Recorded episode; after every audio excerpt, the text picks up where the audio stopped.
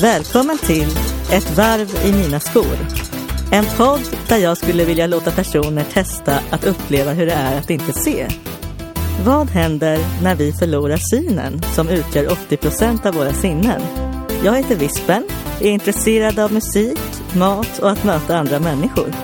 Jag är blind sedan födseln samt har autism. I varje avsnitt kommer jag att intervjua en person som får testa att bli ledsagad och att äta med ögonbindel. Personen får dessutom möjlighet att berätta om sitt liv. Alltså får vi också följa med en liten stund i dennes skor. Så här lät det när jag träffade Malin San Bursjö som är adopterad från Sydkorea. Hej och välkommen till avsnitt sju av Ett värv i mina skor. Idag så kommer jag att diskutera adoption som jag tycker är ett väldigt intressant ämne just för att jag själv är adopterad från Vietnam och månadens gäst är Malin som är adopterad från Sydkorea. Hej!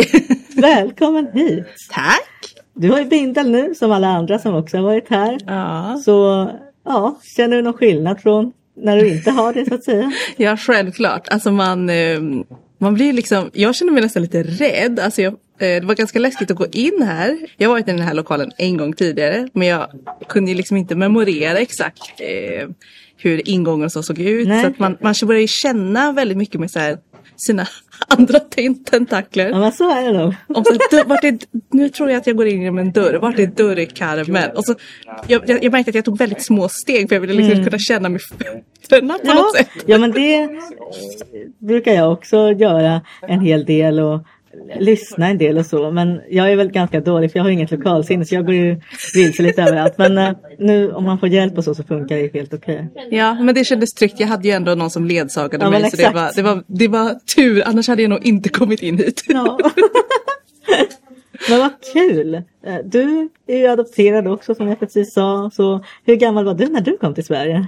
Jag var bara tre månader. Ja, Eh, okej. Och jag är väl en av de sista som kom med den berömda plåtstorken. Det vill säga ett flygplan helt Jaha. själv. med, med en flygvärdinna då som eskorterade mig. Eh, alltså mina föräldrar hämtade mig på Arlanda. Men oj, det är ändå väldigt speciellt. Men jaha, det gjorde man kanske då. Ja men det var, alltså, det var ganska van, alltså det var mycket mindre mycket mindre vanligt att man som eh, blivande förälder åkte till landet och hämtade barnen eh, Ja. förut. Eh, så det var, jag tror att det vanligaste sättet var att man kom med eskort. Ja, du, det var ju intressant. För jag vet mina, det var ju, men jag adopterades lite senare än du. Jag kom ju till Sverige 92. Ja. Ja, men, vilket år var det här? Eh, kom jag, jag är född 86 då och Jaha. kom eh, 87 till Sverige. Mm. Eh, och min bror som är född 90 han kom eh, Han kom också med eskort faktiskt. Okej. Men, men eh, det var för att han hade eh, Han hade lite sjukdomsproblematik precis innan han skulle bli hämtad. Så då så valde de att eh, skicka med honom ett, skicka honom ett flygplan Ja, istället. för du har en syster också, eller hur? Ja, så jag har en lillebror som också är från Korea, men vi är inte biologiska syskon. Nej. Och sen en syster som är 14 år yngre än mig som kommer från Vietnam. Just det. Hur gjorde ni när ni hämtade henne då? Ja, men då åkte, Eller- eller ja, ja, men då åkte mamma ner eh, själv faktiskt som tog med sig en väninna. Eh, och så var hon väl borta i drygt två veckor när hon hämtade Hanna då. De andra följde alltså inte med. Jag, jag vet ju, när mina föräldrar hämtade mig så, ja, då gjorde vi båda två det. Och sen så har jag en syster som är från Kina och då åkte hela familjen dit. Ah, vad mysigt. Ja men det var faktiskt ändå trevligt. Jag minns fortfarande vissa delar av den resan och det var väldigt fin upplevelse. Jag minns när jag träffade min syrra för första gången och sådana grejer. När jag gick på kinesiska muren och sånt där. men hur, hur, hur gammal, eller hur må- många år skiljer det mellan dig och din? Fyra. Fyra. Så hon är fyra år yngre. Ja, ja. Nej, men jag tror att vi, alltså, vi gick väl i skolan och kanske inte kunde vara lediga så länge. Eller jag vet liksom inte Nej. riktigt. Jag kommer inte ihåg. Nej, jag var ju så pass ung så att det var väl kanske därför som jag kunde följa med. Men har du några särskilda tankar kring adoption och sådär? För, jag, för mig var det så att jag började tänka på det väldigt tidigt. Liksom. Ändå. Alltså jag, jag, tänk, alltså jag, jag försöker tänka tillbaka på så här, när kom jag på att jag var adopterad liksom? Mm. Men det har inte, jag har inget sånt så här, specifikt tillfälle när jag liksom kom på det. Mina föräldrar har varit väldigt duktiga på att liksom ha jag vet inte vad man säga, men har varit öppna och berättat om det. Så det har liksom aldrig varit, alltså det är säkert precis som att folk får höra om så här hur de blev födda på BB, Ja. var kvar där. Ja, och det, alltså det är ju, eh, och vi har liksom haft en perm hemma med alla adoptionspapper och sånt som man typ har kunnat gå och titta lite i när man Ja. var liten och så. Ehm, Ja. och, och sen har jag väl känt själv att så här, ja, men jag vet att jag har lite information om min eh, biologiska mamma. Jag har ingen information om min pappa. Ehm, och hade jag varit kvar i Korea så hade jag förmodligen haft ett helt annat liv. Jag hade säkert aldrig gått i skola. Eh, förmodligen jobbat i samma textilfabrik som hon. Eh. Oj, då vet du ganska mycket ändå. Men jag, vet, jag vet hur gammal hon är. Jag har liksom hennes, eh, vad säger man, social security number. Eh, jag vet att hon jobbade på en fabrik i en stad i södra Korea. Lite mer på ja, landsbygden kan man väl säga. Ja. Eh, hon var lite med koreanska mått äldre när hon födde mig. Så att, eh, ja, det man vet ju inte. Men det jag tänker så här, men det kanske var utomäktenskapligt då. Eller att Hur gammal var hon då? hon var 28 kanske. Okej. Så att eh, man kan ju bara spekulera, man vet ju inte varför. Men och jag förstår att hon hade nog bestämt sig för att adoptera bort mig. För att jag vet också vilken klinik jag är född på. Det är en sån typisk klinik dit kvinnor går när de ska adoptera bort sina barn. Så att jag är ju, jag är ju ändå tacksam över att jag bor i Sverige där Ja. jag kan, eh, jag har kunnat eh, lä- lärt mig läsa, studera, jag har ett ganska bra jobb. Alltså, men det finns ju, alltså jag tycker också det finns liksom viss problematik såklart kring adoption. Särskilt med det som har kommit upp eh, alltså på senaste med massa fusk och barn som Ja, försvinner. Och, eh, men jag kan känna så att jag inte riktigt liksom har bearbetat klart all den informationen. Mm. Eh, så. Men har du träffat din mamma någon gång? Alltså din Nej. biologiska mamma? Nej, eh, vi gjorde en sån eh, arrangerad återresa när jag var, jag var 15 måste jag ju varit. Okej. Så då åkte vi liksom en massa olika familjer med adoptivbarn från Sydkorea. Och då så gjorde de också försök, eller de frågade alla sig om man ville att de skulle försöka leta efter ens föräldrar, om man liksom hade någon information kring dem. Så då hade de försökt men inte hittat henne då. Men jag fick se kliniken där jag var född, träffa eh, hon som var min, hade varit min barnmorska liksom. Jaha. Så det var häftigt. Ja. Eh, Det var också så märkligt att alltså när vi åkte från flygplatsen in till Seoul, då, huvudstaden, så Mm. hade vi fönstren på bussen var lite så öppna. Och eh, när vi närmade oss då, då var det så som att jag kände på lukterna och på ljuden att jag bara, här har jag varit förut. Jaha. Oj, vad Eh. roligt. Ja men jag vet inte om det, alltså så här, det kan ju vara, jag vet inte, imagination, men det kändes Mm. så liksom.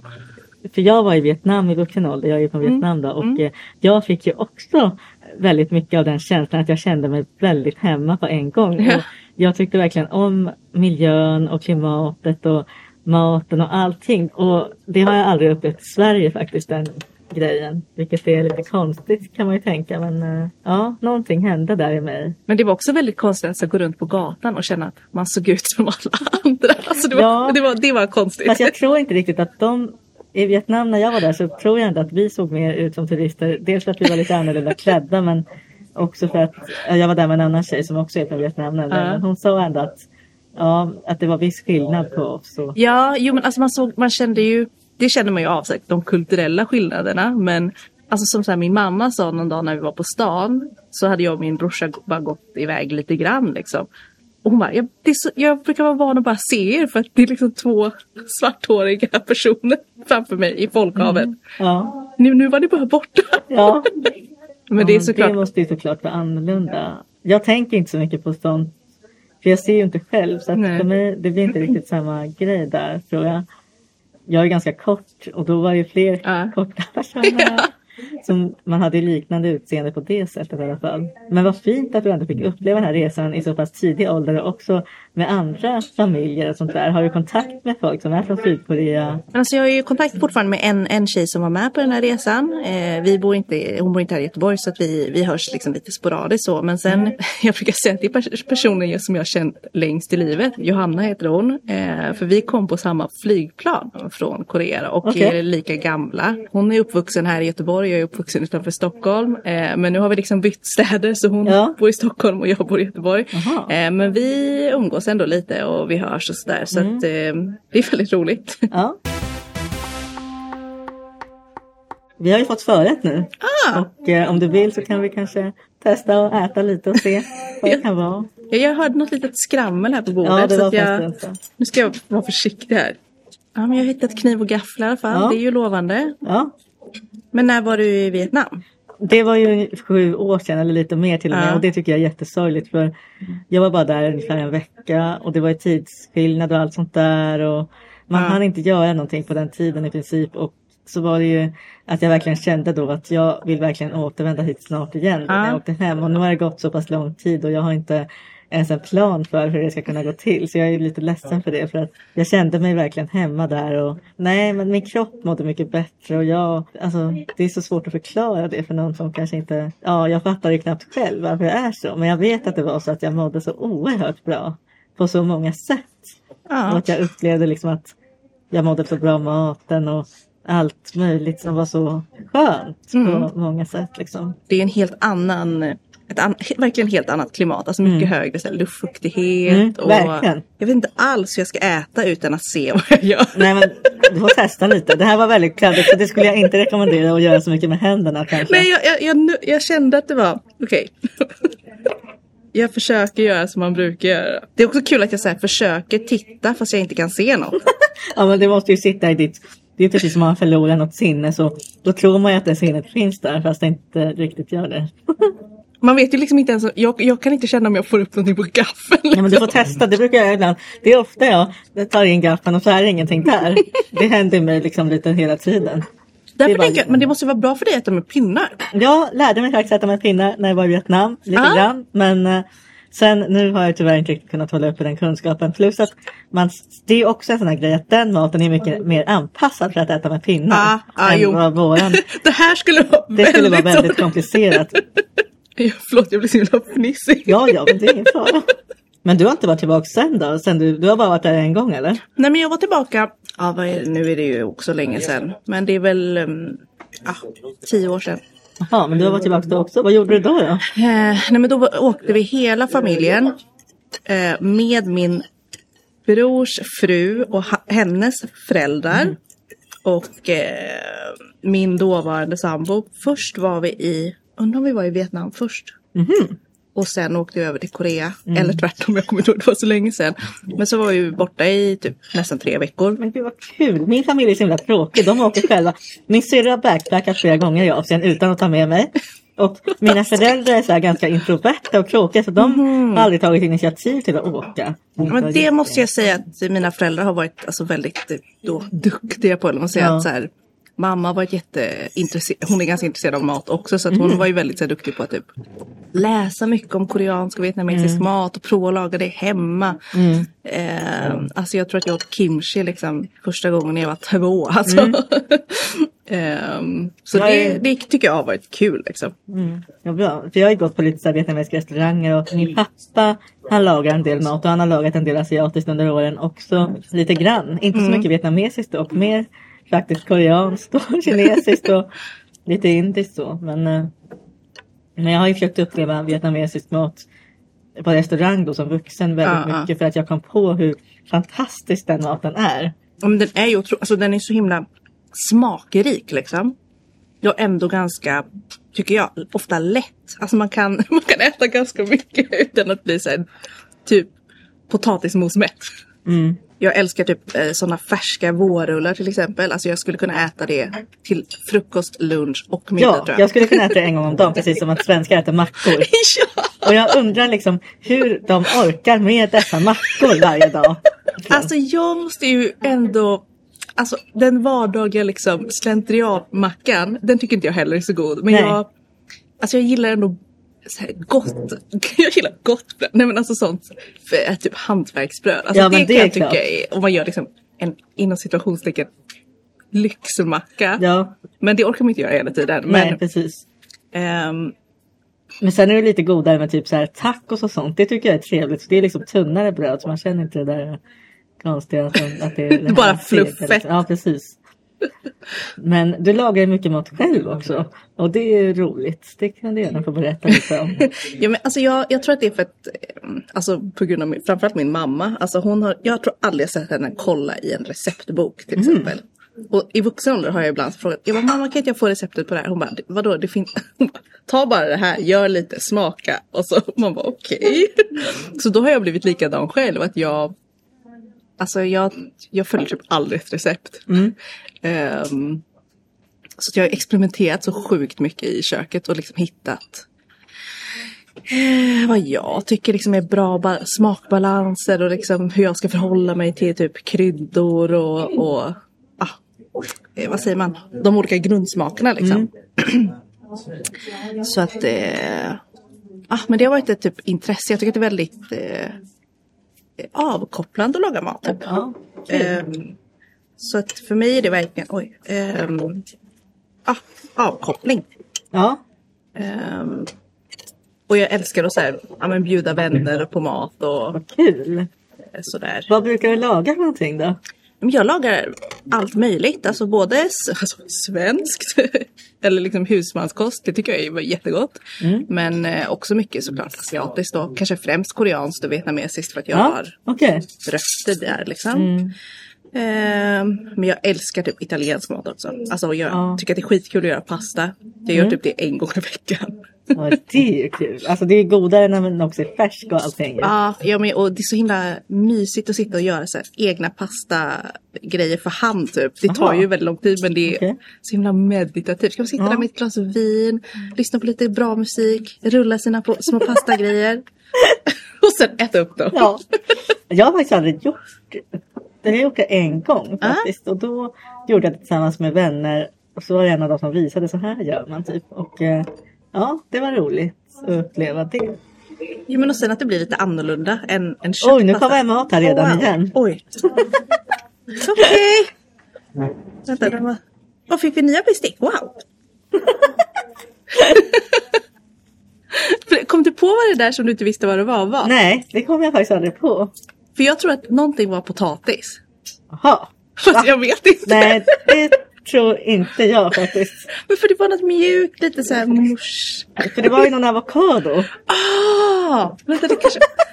Men eh, nej, jag tror inte att det någon, men jag vet inte. Det här däremot, det skulle kunna vara någon potatis här kanske. Det Okej. luktar som att det kanske kan vara det, men det kan ju vara fel. Såklart. Ehm, Nu, nu känner jag här igen. Det här Ja. måste... Lök kanske? Oj, Nej. oj, oj, det här var något Paprika. stort. Något Okej. konstigt här när man skär. Det känns jättekonstigt. Här liksom. Nej, jag skar en bit men nu vet jag inte vart biten är någonstans. Okej vänta. Eh, men vad är din favoriträtt? Ehm, ja, jag gillar asiatisk mat väldigt mycket. Jag tycker väldigt mycket om skaldjur. Jag gillar stark mat. Gud vad otrevligt. Nu äter jag faktiskt med händerna. Mm, gör det. Jag tycker inte om att bli klädd om händerna, annars hade jag kanske gjort det också. Men nu, nej. Det... Jag tänker brunsås av Mm. något slag. Eller hur? Men när jag kände på det som då jag förstår är köttet av något slag. Mm. Så tänkte jag först att det var någon kyckling. Men Vad är din favoriträtt då? Jag vet faktiskt inte. Men alltså jag är ju väldigt förtjust i alltså, vietnamesisk, vietnamesisk rätt som heter pho. Jo, det är nudelsoppa ju. Ja. Åh, den är så fantastisk. Det, för det är också så här att man liksom kan man kan äta en jättestor skål och så vill man Ja. ändå ha mer. Ja, liksom. ja, det är verkligen så. Jag vet inte, man blir liksom varm inifrån av att äta den. Nej, men den är, den är speciell och de, det är goda nudlar och så goda grönsaker som man blir så himla glad och man kan lägga på lite olika ju. Ja, men det, är, det är goda texturer, det är snälla texturer. Liksom. Något som är lite knaprigt, något som är mjukt, något som är... ehm, Okej, jag fortsätter med händerna. Det här var jättesvårt att med gaffeln, jag har inte en aning om vad jag gör. Åh, men vad kul att du också gillar sån nudelsoppa då. Ja, men och, alltså nudlar generellt kan man ju variera i all oändlighet. Mm. Ja, det finns många olika sorters nudlar också. Mm. Men jag älskar också en sort som är, jag tror att den liksom är specifik för eh, Sydkorea. Det är en typ av eh, sötpotatisglasnudel. Ja, den kan jag ha smakat vid ett Ja. tillfälle kanske. Den är, tycker jag, speciell för den är, den är väldigt, det låter konstigt, tuggig. Ehm, Så den är god tycker jag, både varm och kall. Mm. För jag gillar sådana kalla nudelrätter också. Ja, du berättade ju det förut att du brukar äta sådana till frukost, eller hur? Ja. Och det tyckte jag var roligt. Vad var det för någonting Nej, då men, i den rätten? alltså det, jag, jag kan inte koreanska så jag kommer inte försöka mig på att säga några koreanska namn. Men det finns en rätt i eh, Korea då som är kalla kokta nudlar. Eh, ofta typ glasnudlar. Som man antingen serverar liksom i en kyld eh, buljong. Ja. Med ofta typ en gurksallad på, kanske ett kokt ägg. Mm. Eller så kan man bara äta dem typ som de är, gucka ihop dem med någon sån sketstark eh, koreansk s- jätteröd sås. Och bara äta. Men jag tänker så här, svenskar, så de skulle ju aldrig vilja äta stark mat till frukost. Nej, inte så här riktigt starkt rolig Nej. mat. Så där som man själv. För jag vet ju att det finns en viss sås. Den tycker jag är jättegod. Men jag vet inte, jag kommer inte ihåg vad den heter. För jag kan inte heller koreanska. Men oj, vilken sås alltså. Alltså. Men är den stark och lite Ja. röd? Nej, du Jag vet ser inte om den är röd. Såklart, förlåt. Men stark och lite söt kanske? Ja, kanske. Den har väldigt speciell smak. Den är lite så här. Det är ju sås fast det är liksom, liksom en pasta eller vad man ska säga. Men det kanske är som gochujang då heter det? Ja, den finns ju också. Oh, den är fantastisk. Ja, ja men den kan- använder jag frekvent i köket. Ja, men Kan, man- kan tipsa om att ha en liten dutt i om man gör tomatsås till exempel. Okej, ja det har jag aldrig provat. Nej, men det, det är inte så dumt. Men vad brukar du handla sånt här nu? För är det någon asiatisk butik i Sverige som du, eller i Göteborg som du tycker att här, hit ska man gå? Alltså jag brukar gå till, jag har ingen bil tyvärr. Eh, så att jag får ju ta mig till eh, dit man kan åka kommunalt ganska lätt. Så att jag brukar faktiskt gå till Saigon Food i Mm. Ja men den är bra. Ja. Där har jag varit. Har de sån, såna såser där också? Ja, ja, de har Okej. en, en hel koreansk eh, hylla.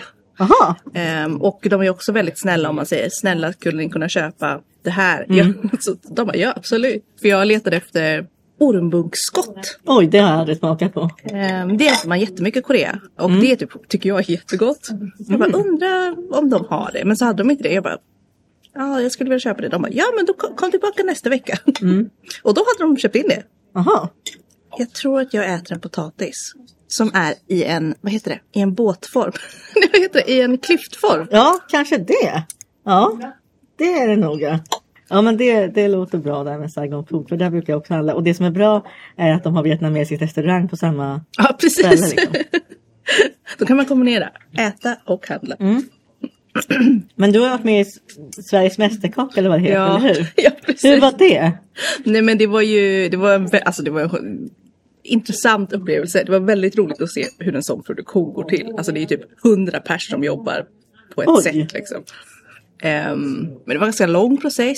Man, eh, det är ju mycket som händer innan man syns så att säga på tv liksom. Ja. Så att när man kommer till, eh, vad ska man säga, när man ska göra den här auditionen som visas i tv så har man redan gjort lite grejer liksom. Vad då till exempel? Ehm, det är som en pre-casting till exempel som jag var på här i Göteborg då. Då var vi på posthotellet. Mhm. Och så skulle man ha med sig en kall rätt Mm. som man kunde som man skulle förberett ta med och så skulle man ta med eget porslin och så skulle man plita Oj, den. oj. Vad hade du med dig då? då? Nej men då hade jag faktiskt med mig en, jag vill inte säga vietnamesisk, jag säga asiatisk, allmängiltig asiatisk nudelsallad eh, med citrongräsmarinerad eh, ryggbiff. Gud vad gott, jag älskar citrongräs. också. Ja men jag tänkte så här, okej det är kallt, det går att äta kallt. Eh, det, det är väldigt färgsprakande med lite chili och med massa koriander och sådär. Eh, och lätt att lägga upp. Ja. Ehm, så då fick man liksom presentera det för en jury från, vad säger man, castingbolaget eller från produktionsbolaget heter det.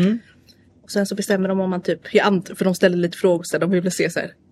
Kan du bete dig på tv typ? Eh, och sen får man åka upp till Stockholm då och göra den här auditionen som syns i tv.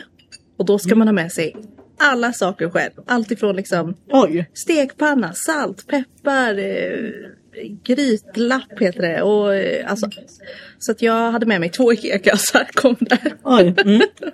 Ehm, och eh, då var man på ett hotell vid Skanstull i Stockholm. Mm. Så får man 40 minuter får man på sig då i det här provlagningsköket. Mm. Och sen så rullar man in med en liten vagn till där juryn sitter. Mm. Och ska liksom lägga upp maten och sådär.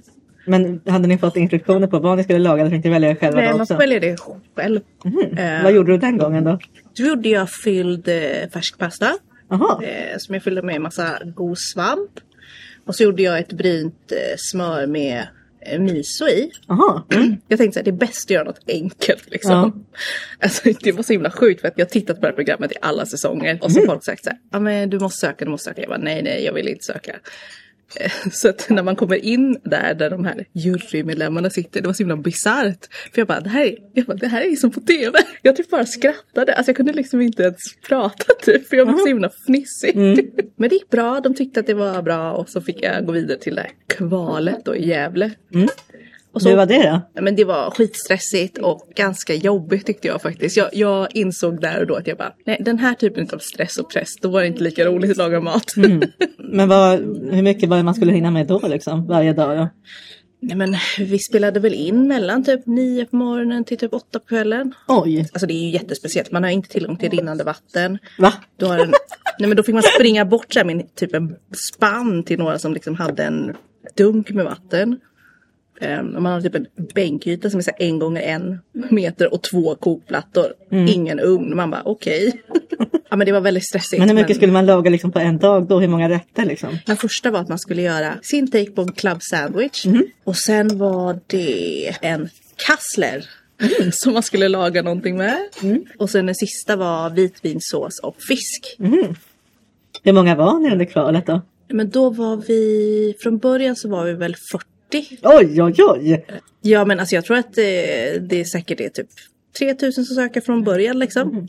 Och så kokas det ner till alla som är med i den här auditionen i Ja. tv och sen är det X personer ut till Gävle då. Men så det följer ju bort folk där hela tiden så till slut så var vi 21 stycken kvar och då skulle det vara, de skulle ta ut 12 som skulle liksom vara med i det riktiga tv-programmet. Ja, Eh, och då gick inte jag vidare.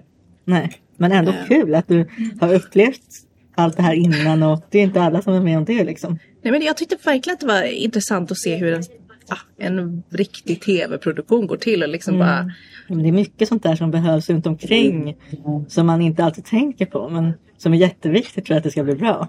Fick du någon kritik på det som du gjorde? Alltså inte så mycket egentligen. Eh, alltså undrar om jag har smakat på allt på tallriken nu. Alltså det, det känns som att jag har hållit på här och liksom tagit lite över allt att jag tror att jag har gjort det i alla fall. Det känns lite så, alltså när jag var liten så älskade jag att leka en lek med min mamma. Att hon skulle ta olika saker, kryddor, Mm. eh, oljor och massa så här ifrån köket och lägga upp på olika skedar och så skulle hon sätta på mig en blind sån här. Jaha, Och så ville jag smaka. vad kul! Sånt har inte jag fått uppleva så mycket. Lite, alltså med enklare grejer men jag har inte fått uppleva riktigt, jag har inte lagat så mycket mat med min familj på det sättet sådär att man som du berättade att du gjorde redan som liten liksom. Ja, mamma var, hon är mycket så här, alltså jag kommer ihåg när jag var liten, hon, alltså jag hade typ aldrig ätit köpebröd. För hon bakade allt bröd hemma liksom. Och alltid, hon har alltid så hållit på och gjort allt själv liksom. Alltså det här var jättesvårt att äta utan att se. Jag måste nog äta med händerna igen. Det har faktiskt flera andra gjort. Men det är roligt ändå att du har fått uppleva det nu om du inte har gjort det så mycket tidigare eller inte alls. Men det finns ju några restauranger som har det som koncept liksom. Jag vet. Eh, eller jag vet bara, det finns ingenting här i Göteborg vad jag vet. Nej. Det finns en i Stockholm. Mm. Och Malmö tror jag. Gör det? Har inte jag hört talas om. Den kanske har kommit nyligen. För den i Stockholm, där är ju, jag bara läst om det, men där är väl också allt, alltså typ nersläckt så att det är mörkt för alla liksom. Ja, ja. Och jag har varit lite sugen på att testa det för jag tänker just att man, alltså man blir mycket mer noga att smaka på vad man, vad man äter och känna efter i munnen. Man bara, känns Jag har faktiskt aldrig varit där. Jag funderar på att gå dit också. För att jag känner ju de som jobbar där lite och det är kul. Ah, Man uppträder ju då också. Jag har blivit erbjuden att jobba där också. Det skulle vara jättekul. ja. För man får ju sjunga och liksom. Ah, vad roligt. Och det gillar jag att göra. Och eh, då skulle jag kunna lära mig att jobba där som vem som helst typ. För att jag ser ju inte, det är ju inte de heller. Typ. Nej, exakt. men har du och din syrra pratat någonting om adoption? Alltså mest, mellan Lite er? grann. Liksom? Ja. Hon har ju varit överallt i Asien men inte i Kina. Det är det Asså? som är spännande. Men hon sa att hon inte kände något behov av att återvända dit för ett tag sedan. Men när hon väl var i Asien då, det var ju typ några år sedan. Mm. Men nu så sa hon för inte så länge sedan att det kanske hade varit kul. Mm. Jag blev ju helt... Jag har varit i Vietnam. Jag har varit i Sydkorea en gång också faktiskt. Det var helt Ah. fantastiskt. Mat och land och... Ja, det var väldigt fint. Väldigt trevliga människor Mm. som man träffade när man var där. Så det var kul. Men jag vet inte riktigt, i Vietnam så där är det obligatoriskt med skola och sådär för barn och ja men de börjar ändå utvecklas mer. Är, hur är det i Sydkorea idag? Alltså jag skulle säga att i de större städerna så är de alltså minst lika liksom, välutvecklade som, som egentligen vi i Sverige. Alltså rent med infrastruktur och utbildning och sådär. Men eh, så fort man kommer ut lite på landet eller på landsbygden så ser man ju att det är, där är det ju som typ 60-talet fortfarande liksom. Så det är ju ganska fattigt eh, om man inte bor i en stor stad. Och sen har de ju, de har ju en väldigt speciell kultur i Korea. Alltså så att de, eh, alltså det är mycket hierarkier. Ja, är det så? Ja, det börjar väl så komma. Och om jag jämför mot då hur det var första gången jag var i Vietnam. Och jag kommer inte ihåg exakt vilket år det var men säg att det kanske var 2002 typ. Ehm, om man jämför hur Vietnam och Saigon till exempel var då. Och så bara tio år fram. Mm. Så det utvecklades ju väldigt fort under ganska kort tid. För att det kom dit mycket turister och då Ja. fick de mycket pengar liksom. Mm. Ehm, och jag kan väl tycka att det är alltså på ett sätt synd för det har verkligen så exploaterats.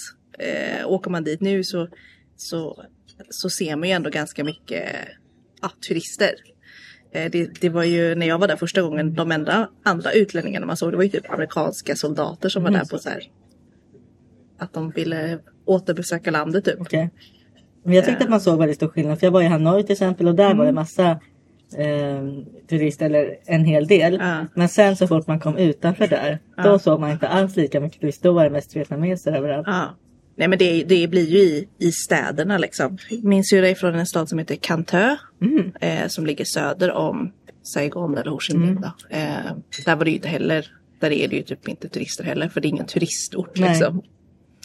Men jag tycker bara så här att när man kommer ut där, att så här lukten typ. Mm. Alltså det, jag, jag tycker att det luktar lite så här malkulor.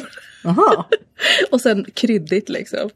Men jag tycker att det var väldigt olika var någonstans man var. Ja, Men däremot så tycker jag ändå att lukten känns väldigt tydligt där. ja, Alltså det är väldigt framträdande liksom olika dofter och sånt. Och det kanske blir annorlunda när det är så varmt ja men det ute tänker jag. allting. Då ja. blir det liksom mer att sånt där kommer fram. För Ja. det är ju ofta liksom över 40 grader på dagarna. Ja, gud. Oh, är det lite för varmt för mig? Jaha, nej jag tycker det är, då är man hemma liksom. Då kan man ju nästan ta av sig tjocktröja i alla fall.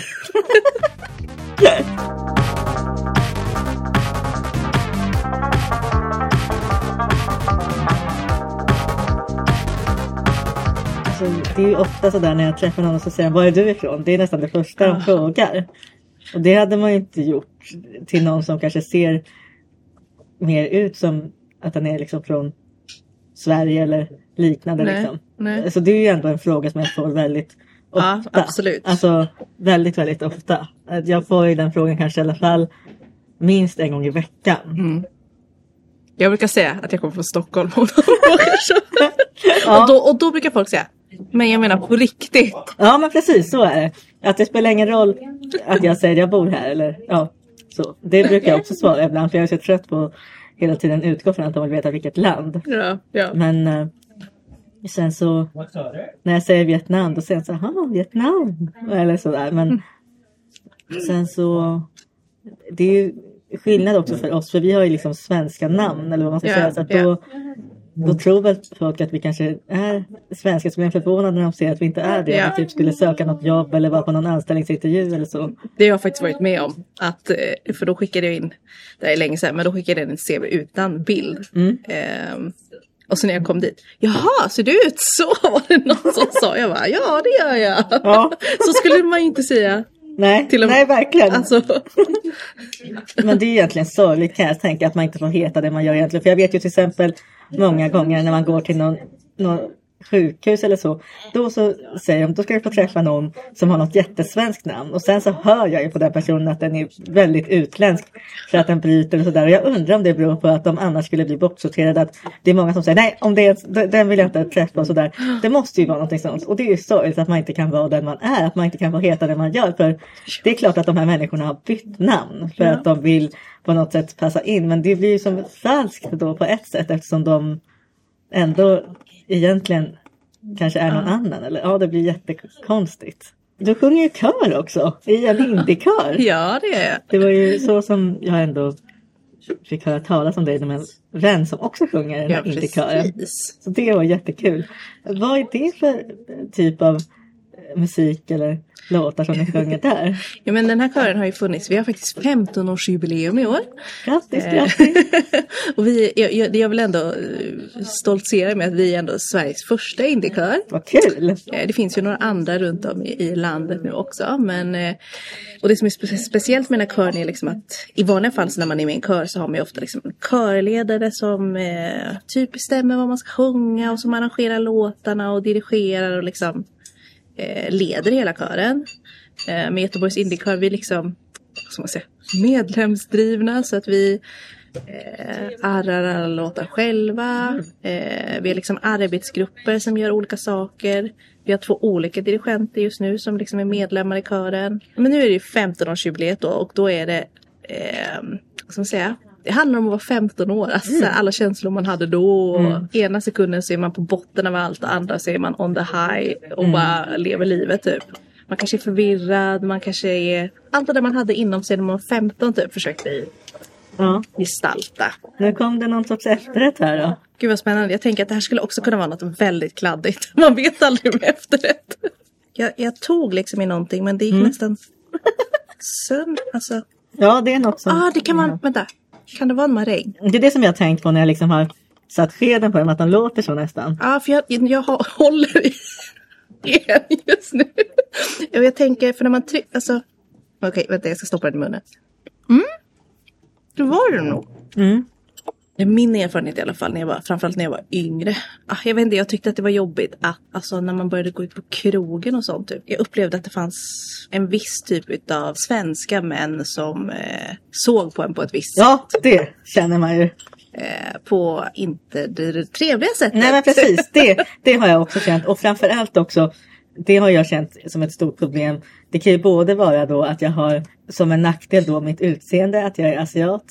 Men också det här att jag är blind. För jag har till exempel testat att dejta på nätet. Och då har jag testat både att faktiskt skriva ut att jag är blind Ja. och att inte göra det. Och det blir väldigt, väldigt stor skillnad. Så det är väldigt synd på ett sätt. För att jag tror att vissa sållar bort mig automatiskt för att de till exempel oj, som inte hade gjort det annars. Men också tvärtom. För om man inte skriver något så är det många som kanske ändå kommer sålla bort en sen. Och då har man slösat massa tid på varandra som man kanske inte hade behövt annars. Och så. Men jag tycker ändå att det är synd att det ska vara så svårt. Men eh, Ja men och sen alltså nu då när allt, all dating är ju typ online. Alltså det tycker jag också jag har typ lagt ner det där nu för att jag tycker att man får så. Om jag jämför mot mina andra vänner som inte, som är svenska då. Alltså de får ju, alla får ju typ skamliga förslag men alltså jag får så sjukt mycket obehagliga eh, saker från män som tycker att de liksom Ja, jag vet inte. Och, liksom, och då tänker jag att det måste ju, vad kan det bero på? Jo, förmodligen att jag ser ut som jag gör liksom. jaha, tror du? Ja. Men vad då? Vad är det för förslag till exempel då? Nej men det är ju mycket bara så här sexuella anspelningar typ direkt. Man bara okej jag vet inte ens vad du heter, vem är du? Men Eh, det har jag också fått. Så jag vet inte. I och för sig så är jag också asiat. Men jag tror att svenskar också får det. Ja men jag tycker liksom inte att det är lika stor utsträckning. Alltså det kan ju också vara väldigt mycket, alltså så här. Och jag vet inte om jag vill prata om det, jag tycker att det är obehagligt. Nej, men, men, men eh, men det är intressant ändå att, att man ändå kanske automatiskt sorteras in i något annat fack då som du säger. Att du tror att man som asiat, ja men då tänker de att ja, att det inte spelar lika stor roll kanske vad de skriver eller vad de skickar för någonting. Ja men just det här att man liksom, tack och lov så har inte det hänt de senaste liksom 15 åren. Men mycket när jag var yngre, alltså då, när man var ute då skrek ju folk typ thai-hora efter en när man var ute på krogen. Jag bara, nummer ett, jag kommer inte från Thailand. Nummer två, jag är inte hora. Nej men precis. alltså, Ja, då blir det ju som sagt utseendet som avgör allt. ja men och jag, ty- ser ja, och... och jag tycker liksom att det finns ett visst stigma liksom kring just där då att eh, ja, men många äldre svenska vita män har plockat hem ofta thailändska tjejer. Ja, då, liksom, precis. och att, att det finns det, ah, det finns ju någonting som eh, är märkligt liksom i relationen vit man, Mm. asiatisk kvinna liksom. Och jag har ju också blivit trött på ibland när jag varit ute med någon kompis eller till och med en pojkvän. Ja. Och så har folk sagt så här. Jaha, är du hennes assistent? Och många tror att jag kanske inte kan prata själv eller att det Ja, ja, så ja. pratar de med den andra personen istället. Men att de utgår från att man inte skulle kanske ha vänner eller en partner och sånt och då kan jag bli så himla trött alltså. Ja. Men ja, det var jättetrevligt att du kom hit och upplevde Det var trevligt det att jag fick komma. Alltså, det var väldigt spännande. Väldigt intressant att prata om adoption för jag gör inte det så ofta. Jag undrar om det finns någon eh, form av, för jag har ändå sökt och letat efter någon form av grupp för personer som är adopterade just för att hitta de här diskussionsforumen på något sätt. Men jag har inte lyckats än så länge tyvärr. Inte, jag skulle ju vilja hitta någon grupp här i Göteborg kanske eller som Mm. man kunde träffa eller till och med folk som är från Vietnam och så men det har inte jag lyckats med. Alltså jag vet ju att det finns en i Stockholm i alla fall. Och jag tror att det är liksom en att de har olika lokala föreningar. Det finns ju en förening som heter Vietnams vänner. Mhm. Som är för adopterade. Eh, Jag är med i något som heter AFK som är liksom adopterade koreaner. Men jag får leta efter Så Vietnams vänner helt Ja, ja, det tycker jag. Tack så jättemycket för att du kom hit och ja, Tack! Det var jättespännande. Skulle du också vilja uppleva en måltid utan syn? Eller har du kanske förslag på någon som du skulle vilja höra en intervju med? Kontakta mig på vispen Ljudtekniker i dagens avsnitt var Daniel Blarvars. Stort tack för att du har lyssnat!